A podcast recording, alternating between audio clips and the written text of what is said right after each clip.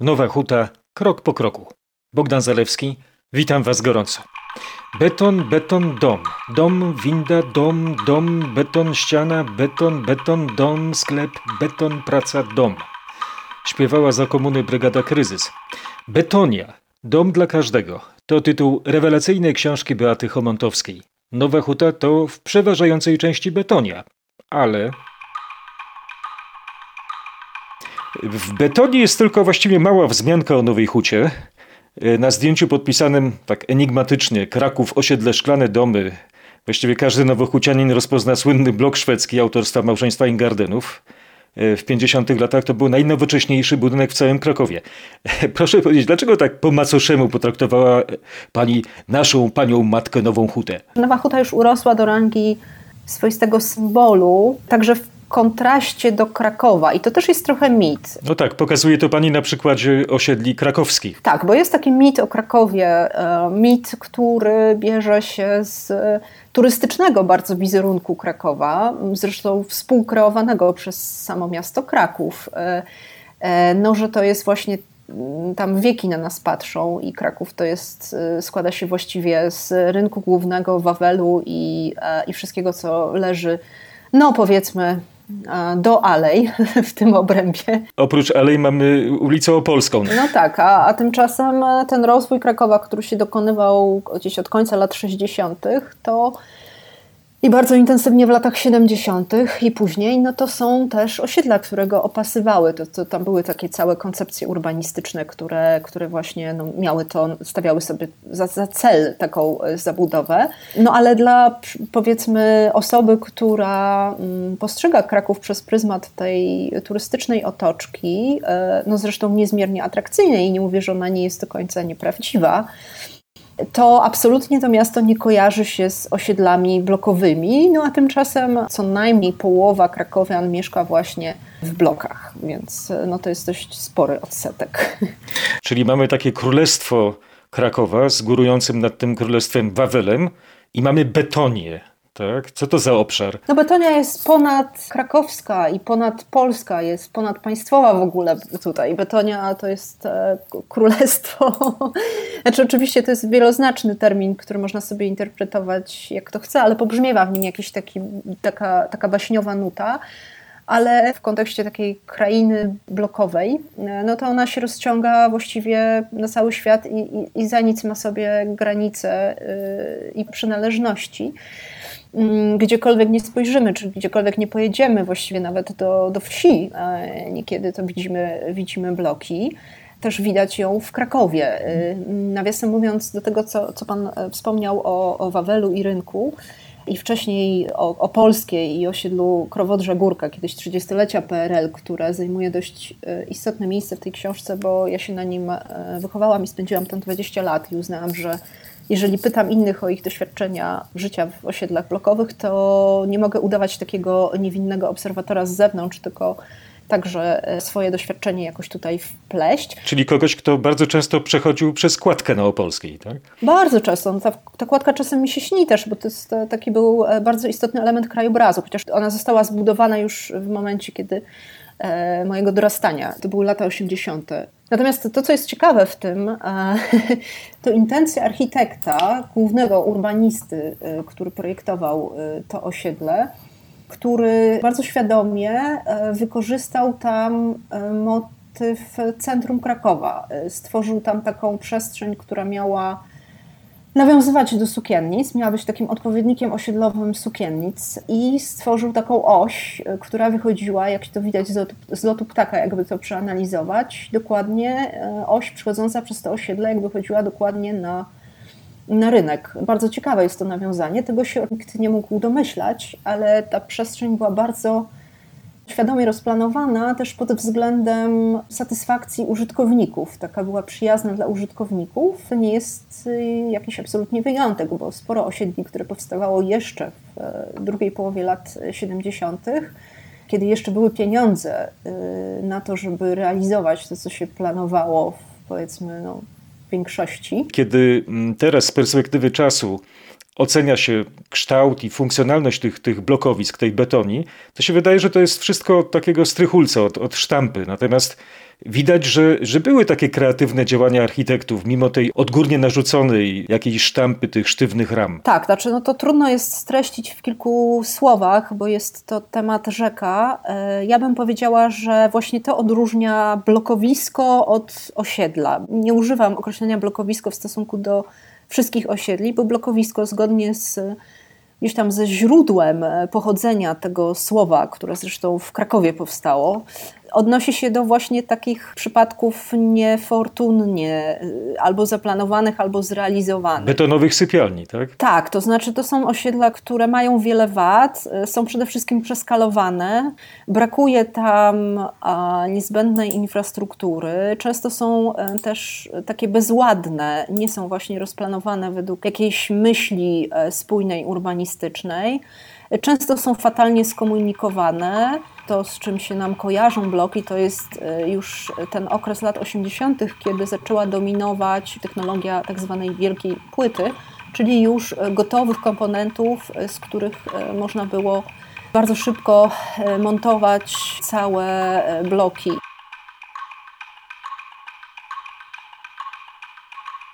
To nie jest polska koncepcja, prawda? Budowy domów z prefabrykatów. Pani o tym szeroko pisze. Proszę powiedzieć tak w skrócie, kiedy to się w ogóle zaczęło? Taka, taka myśl. E, no i oczywiście, jak to się ma do koncepcji wielkiej płyty i fabryk domów u nas za komuny? E, to jest zabawne, bo e, wielu osobom też kojarzy się wielka płyta. Myślą, że to był wynalazek radziecki. I rzeczywiście jest o tyle coś na rzeczy, że Rosjanie bardzo chcieli nam sprzedać y, swoje systemy, które, które jednak nie znalazły na szczęście uznania w oczach naszych specjalistów i władz, bo po prostu były zbyt toporne ale kilka takich bloków y, czy skupisk bloków w Polsce na wybrzeżu y, stanęło. Natomiast myśmy kupowali i technologie, i materiały z zachodu, bo na Zachodzie też to najpierw zaistniało. Właściwie to już w XIX wieku rewolucja przemysłowa spowodowała, że do miast zaczęły napływać rzesze ludzi w poszukiwaniu pracy i e, brakowało po prostu dla nich miejsca i oni, ci, którzy to miejsce zdobyli, mieszkali w fatalnych warunkach. Stąd idea szybkiego, taniego budownictwa, prawda?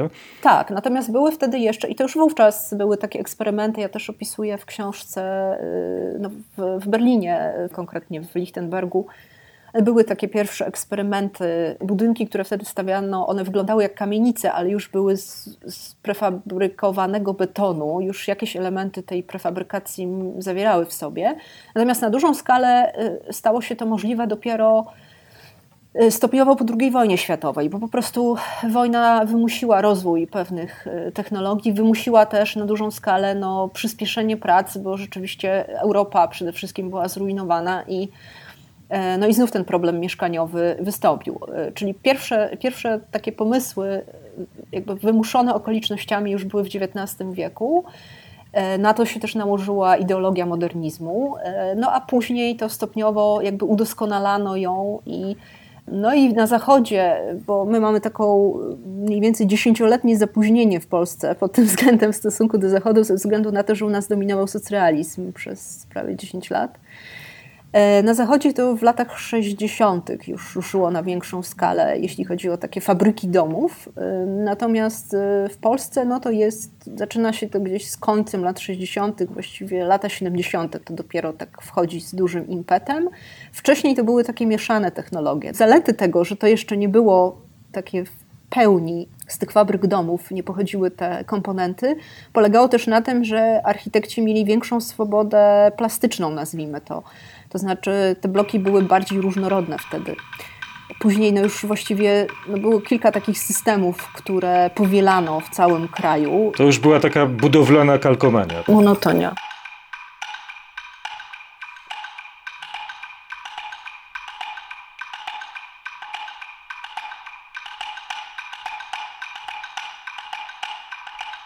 Kiedy mówimy o modernizmie, oczywiście y, trzeba wymienić y, Le Corbusiera, prawda, jego jednostkę mieszkalną.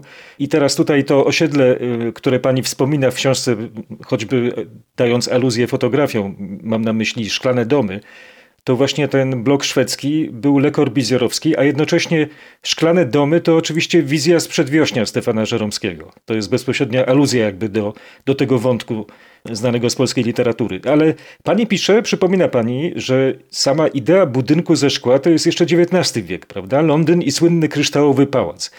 Y, czy to tak, ja może trochę z przesadą powiem, czy to architekt Joseph Paxton mógłby być dalekim przodkiem naszych twórców PRL-u? No w jakimś sensie tak. To oczywiście były wtedy marzenia i utopie, ale no wszystko się zaczyna gdzieś od e, marzenia i myśli w czyjejś głowie i potem się zazwyczaj e, rozwija. Wszystkie wynalazki gdzieś tak powstają. E, ale myślę, że no my za duże trochę znaczenie przywiązujemy do takich ideologów, e, urbanistów, architektów e, niż do inżynierów, bo to tak naprawdę rozmaici inżynierowie, e, włącznie z, ze znanym wszystkim wynalazcą żarówki, między innymi. Edisonem. Edisonem, tak, on miał wiele patentów na koncie i wiele eksperymentów. E, pracowało nad tym od strony technologicznej, bo to było największą, największym wyzwaniem, żeby właśnie zacząć budować z betonu szybko tanio. Pani ciekawie pisze, że Edison właściwie myślał o takiej koncepcji podobnej do Forda T, tylko że w budownictwie, prawda? Tak, tak, tak. No, beton e, ma wiele zalet jakby z punktu widzenia tego konstrukcyjnego i też jest ekologicznym, jak się okazuje, bardzo materiałem, bo można go wtórnie wykorzystywać, e, co się dzieje właśnie choćby w Niemczech, gdzie na przykład rozbierano te wielkie takie molochy z betonu i składano z nich e, domki jednorodzinne albo przerabiano na takie bardziej przyjazne skalą bloki. Paradoksalnie można powiedzieć, że to jest nowa fabryka domów, domów z domów, tak? Tak, tak, tak. To jest, to jest ciekawe, no bo beton jest właściwie, można powiedzieć, też wieczny. E, jest, jest bardzo odporny na wszelkie uszkodzenia, korozję i tak dalej. Natomiast pierwsza wojna światowa, potem druga wojna światowa też w dużym stopniu wpłynęły na przyspieszenie pracy, bo wojna zawsze wyzwala takie wymusza, powiedzmy, postęp technologiczny, jeśli chodzi o wykorzystanie różnych materiałów do celów zbrojeniowych. No a ideologia modernistyczna, która też sporo ma wspólnego z tym, co się działo na świecie w tamtym czasie, spopularyzowała ten nowy typ e, mieszkalnictwa. Z tym, że to wszystko jeszcze było na długo przed masowym wejściem, e, pochodem wielkiej płyty przez cały świat. No właśnie, ale w pewnym momencie nastąpił taki spektakularny krach modernizmu na Zachodzie. E, pani cytuje słowa Charlesa Jenksa.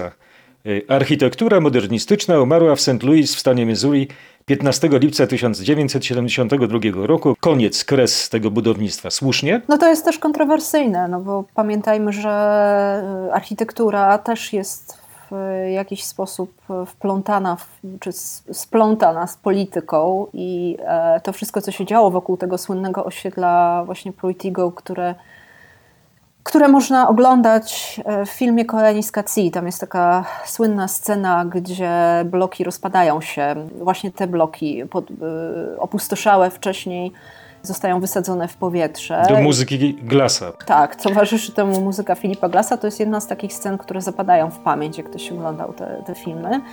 Jeśli nie, polecam.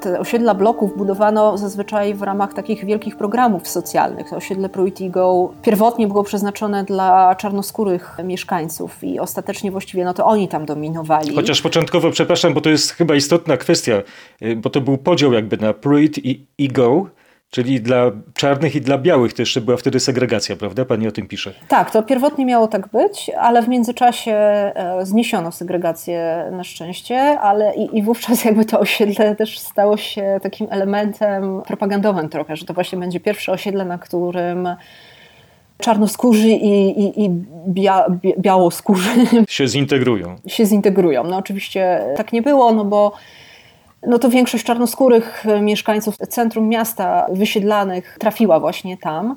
No ale jakby to się wpisało, jak mówię, w taką, taki szerszy polityczny kontekst, że e, republikanie próbowali dowieść, że te programy społeczne są bez sensu, bo mieszkańcy nie, nie, doceniają tego, nie są w stanie zadbać i to też trochę takie było podszyte rasizmem jeszcze. Nie potrafią zadbać, zwłaszcza ci czarnoskórzy, o swoje mienie. Tymczasem po prostu nie zabezpieczono pieniędzy na utrzymanie tego osiedla. Co z tego, że je wybudowano, gdy potem już brakowało środków, żeby je utrzymać, a lokatorów nie było na to stać. No i też, e, i oczywiście winnym tutaj musiał się stać też przy okazji modernizm, e, jako ideologia gdzieś tam sprzężony z z kolei z lewicą, no bo zawsze gdzieś tam te środowiska e, modernistów to były środowiska lewicujących e, architektów, urbanistów, którzy właśnie chcieli też stworzyć trochę taki nowy, nowy społeczny ład, a w skrajnej formie też nowego człowieka. No właśnie, nie udało im się stworzyć chyba tego modulora, tylko w sensie, w sensie społecznym i, i, i politycznym. Nawiązuje tu oczywiście do tego kanonu Le Corbusiera. Tak, no modulor to jest właśnie świetny przykład. Takie uśrednione wymiary, prawda, które każdy człowiek e, że każdy człowiek musi się odnaleźć w jednej formie. No tutaj na, na ten temat można by długo dyskutować, bo ma on aspekty i, i, i pozytywne, i fascynujące, ale też jak z każdą utopijną ideą, ona się prędzej czy później jakoś rozbija o rzeczywistość.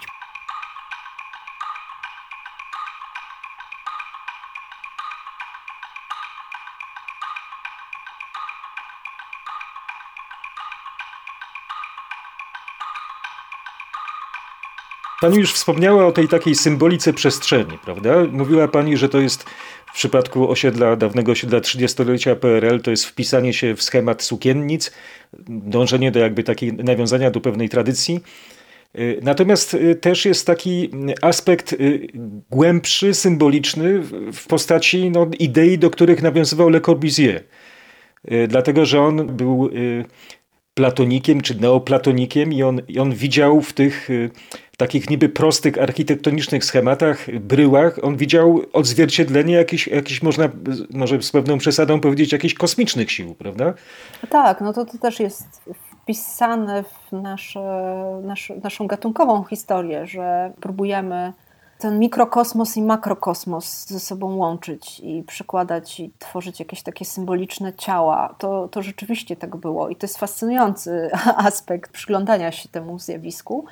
Natomiast no, tego nowego człowieka e, nie dało się stworzyć także ze względu na to, że człowiek ma dwie jakby takie cechy przeciwstawne trochę. Znaczy z jednej strony, jak to u Aronsona w książce, jest to istota społeczna. Społeczna, tak. Z drugiej strony też każdy z nas potrzebuje e, jakiejś prywatności i swojej przestrzeni, barier wokół niej i to w przypadku takiego skoszarowania blokowego, zwłaszcza w tych takich wykrzywionych realiach PRL-owskich, gdzie wiele niedoróbek e, było, nie do końca się dawało zrealizować. Oczywiście są przykłady pozytywne też. Są bloki, które, w których się bardzo dobrze żyje i są osiedla, które gdzieś tam zbliżają się do tego ideału. Oczywiście nie są w stanie zrealizować go w pełni, ale gdzie ludzie są zadowoleni z życia tam, co znaczy, że w jakimś stopniu obie te potrzeby są zaspokojone. Ja, kiedy czytałem e, pani Betonie, to miałem przed oczyma taki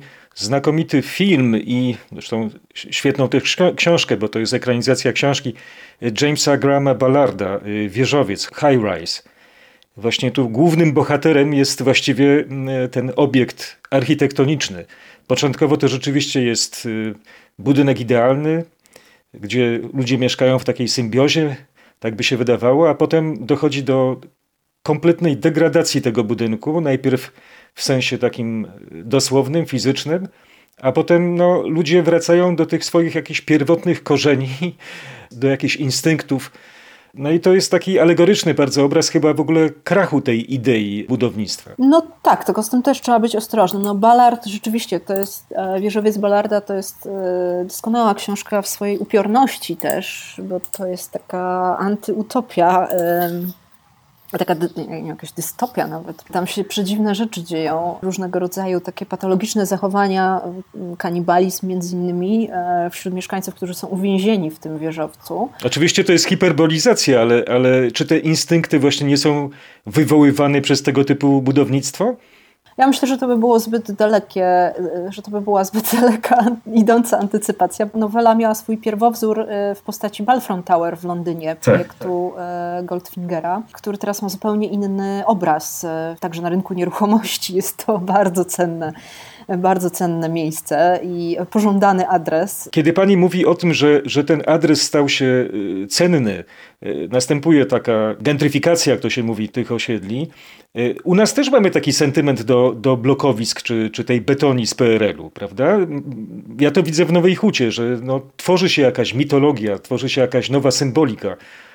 Skąd się bierze ten sentyment, ta melancholia? Żeby tak do jednego worka wszystkiego nie wkładać. Jeszcze odwołując się do tych e, negatywnych, e, takich daleko idących wniosków, że w takim zagęszczeniu z ludzi wychodzą różne niekoniecznie przyjemne instynkty, popędy, to, e, to też wpisywało się w takie badania, do których też można mieć różne i później miano do nich zastrzeżenia co do metodyki ich przeprowadzania i w ogóle do wniosków. Badania na szczurach, e, które w latach 60. prowadzono i one wpisały się w taki dyskurs medialny, kiedy już krytykowano słusznie blokowiska, które wyrastały na obrzeżach zachodnioeuropejskich miast, ale tam w zbyt dosłowny sposób przenoszono pewne obserwacje, które poczyniono w zagęszczonym środowisku wśród e, szczurów i, i zachowań, które wśród nich występowały, na populację ludzką, nie biorąc pod uwagę wszystkich czynników. To też opisuję w książce i tam, e, więc może tak odwołam się do niej, żeby już wszystkiego tutaj nie opowiedzieć. E, Natomiast co do zmiany postrzegania osiedli, to też jest z tym różnie i też byłabym trochę ostrożna, bo y, czasem to jest również dyskurs medialny. To znaczy, że te bloki są takie super atrakcyjne, albo często są inne czynniki. Na przykład w Berlinie bloki są super atrakcyjne, ponieważ w Berlinie w ogóle wystąpił problem właśnie ze znalezieniem mieszkań, zwłaszcza w centrum, nie tylko, tak, bo Berlin jako taki stał się miastem niezmiernie modnym i i ceny wynajmu mieszkań poszły bardzo w górę. Ustawiają się kolejki nawet do tych mieszkań blokowych, a już bloki w, gdzieś tam w ścisłym centrum, no to są naprawdę pożądanym adresem. To jest jakby też wypadkowa tego. W Londynie to samo zresztą. Po lekkim lub bardziej daleko idącym udoskonaleniu tych bloków, jakiejś renowacji, no to one rzeczywiście mają swoje zalety, no zwłaszcza to Balfront Tower, no to jest bardzo wysoki budynek, który powstał w stylistyce brutalizmu, na który też jest olbrzymia moda. To już jest taki ikoniczny budynek. No u nas niestety y, dworzec w Katowicach został zniszczony. Tak, oczywiście, no, ale też się go docenia już po fakcie. Niestety. E, tak, u nas tego brutalizmu było niewiele. On występuje właśnie w Londynie. E, Londyn no, to, to, to jest taka mekka też wielbicieli brutalizmu, czy e, bliżej nas na Bałkanach Belgrad. Też kampusy w Stanach Zjednoczonych, prawda? Sporo tego powstało. Tak, tak, tak. No więc tam są różne czynniki, jakby nie do końca wy, wypływające z tego, że akurat mieszkanie w bloku jako takie samo w sobie jest czymś super atrakcyjnym mi się wydaje, że trzeba bliżej się przyglądać każdemu przypadkowi, bo w odniesieniu do tych niektórych krakowskich osiedli, które i nie tylko krakowskich, które stają się obecnie gdzieś tam mają taką dobrą prasę i są postrzegane pozytywnie i ludzie chcą na nich mieszkać, to też jest trochę, to są głównie osiedla no, z takich dobrych okresów rozwoju naszego budownictwa mieszkaniowego, czyli właśnie ten koniec lat 70., złota epoka jeszcze Gierka, kiedy jak wspominałam wcześniej, tam nie brakowało pieniędzy na to, żeby te plany bardzo sensowne, często takie przemyślane, urbanistyczne w, wdrażać praktycznie w 100% i tym osiedlom niczego nie brakowało i one były zróżnicowane pod względem formy, świetnie skomunikowane, było tam dużo zieleni. Ja myślę, że to też wynika ze zmęczenia ludzi, rozczarowania też tą współczesną deweloperką, gdzie to też są bloki, często pod nazwą apartamentowców, ale one są właśnie budowane już przez inwestorów prywatnych, których podstawowym celem jest osiągnięcie zysku. To nie są już inwestycje państwowe, tak, gdzie gdzie zupełnie inne czynniki brano pod uwagę. To są dopiero blokowiska, prawda? No niektóre tak. Znaczy przede wszystkim tam ludziom doskwiera, że brakuje tej przestrzeni wspólnej, brakuje zieleni. Infrastruktury infrastruktury, bloki są bardzo blisko siebie, mieszkania są niezmiernie małe, no bo też chodzi o to, żeby zarabiać tutaj, żeby ludzie kupowali na wynajem. Koronawirus też to wszystko skomplikował, więc ludzie często rozczarowani jakby tą z kolei utopią taką z lat 90. gdzieś, e, czy rozczarowani nawet domkami na przedmieściach, gdzie też jest często kiepski dojazd i trzeba e, sporo czasu, sporo życia zmarnować na dotarcie tam i później już właściwie go nie starcza na to, żeby cieszyć się urokami takiego domku z ogródkiem i do sklepu daleko, e, rozrywek brak.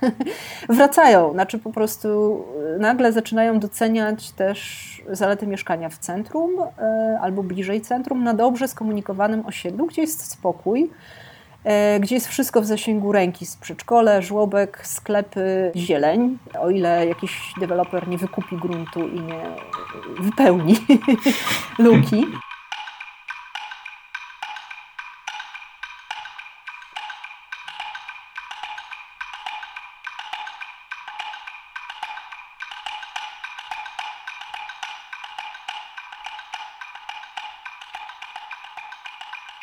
Mówiliśmy o takich dwóch epokach. Jedna to jest ta odgórnie sterowana y, komunistyczna i z drugiej strony mamy taki, można powiedzieć, budowlany, architektoniczny leseferyzm, wolność Tomku w swoim, nie wiem, wieżowcu, apartamentowcu i tak dalej. Czy widzi Pan jakiś złoty środek pomiędzy tym centralnym sterowaniem, a, a swobodą, która jest już właściwie architektoniczną anarchią? No to jest bardzo trudne pytanie i myślę, że ja nie chciałabym się tutaj e, wypowiadać, bo jestem po prostu autorką książki, a jakby bez jakiejś fałszywej skromności. To jest pytanie do ludzi, którzy tworzą prawo w Polsce. Jak z tego wybrnąć? E, bo e, tę samą sytuację mieliśmy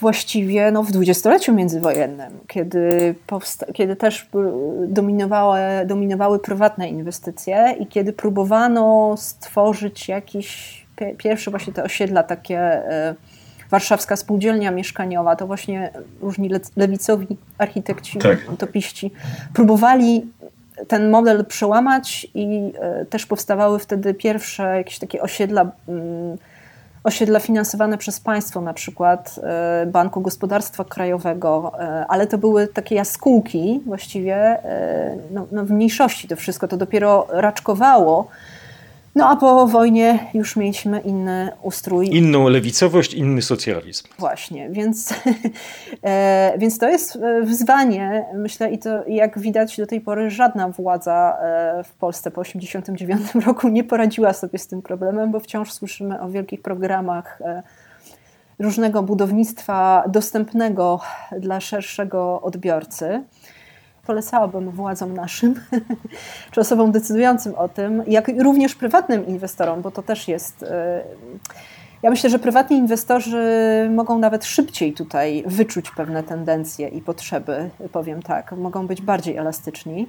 E, polecam Wiedeń. Znaczy to, to Wiedeń jest takim naprawdę świetnym laboratorium, jeśli chodzi i o e, budownictwo socjalne, takie te duże programy dotowane przez miasto czy przez państwo, przez administrację centralną albo lokalną oraz też przez różnego rodzaju inicjatywy oddolne, jakieś spółdzielnie, ale i, e, i prywatnych inwestorów. Także to, to jest myślę dobry kierunek, na który można się zapatrzeć i spróbować coś przetransportować na polski grunt.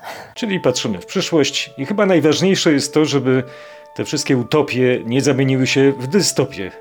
Coś koszmarnego jak z wizji Ballarda w High Rise. Zdecydowanie. Rozmawiałem z Beatą Homontowską, autorką znakomitej książki Betonia Dom dla każdego. W podcaście wykorzystałem muzykę amerykańskich minimalistów Steve'a Reicha i Philipa Glassa. Minimalistyczny będzie mój puentujący wierszyk. Brutalizm to nagła zmiana talizmanu. Gdy mam dar maga, mega gabarytów.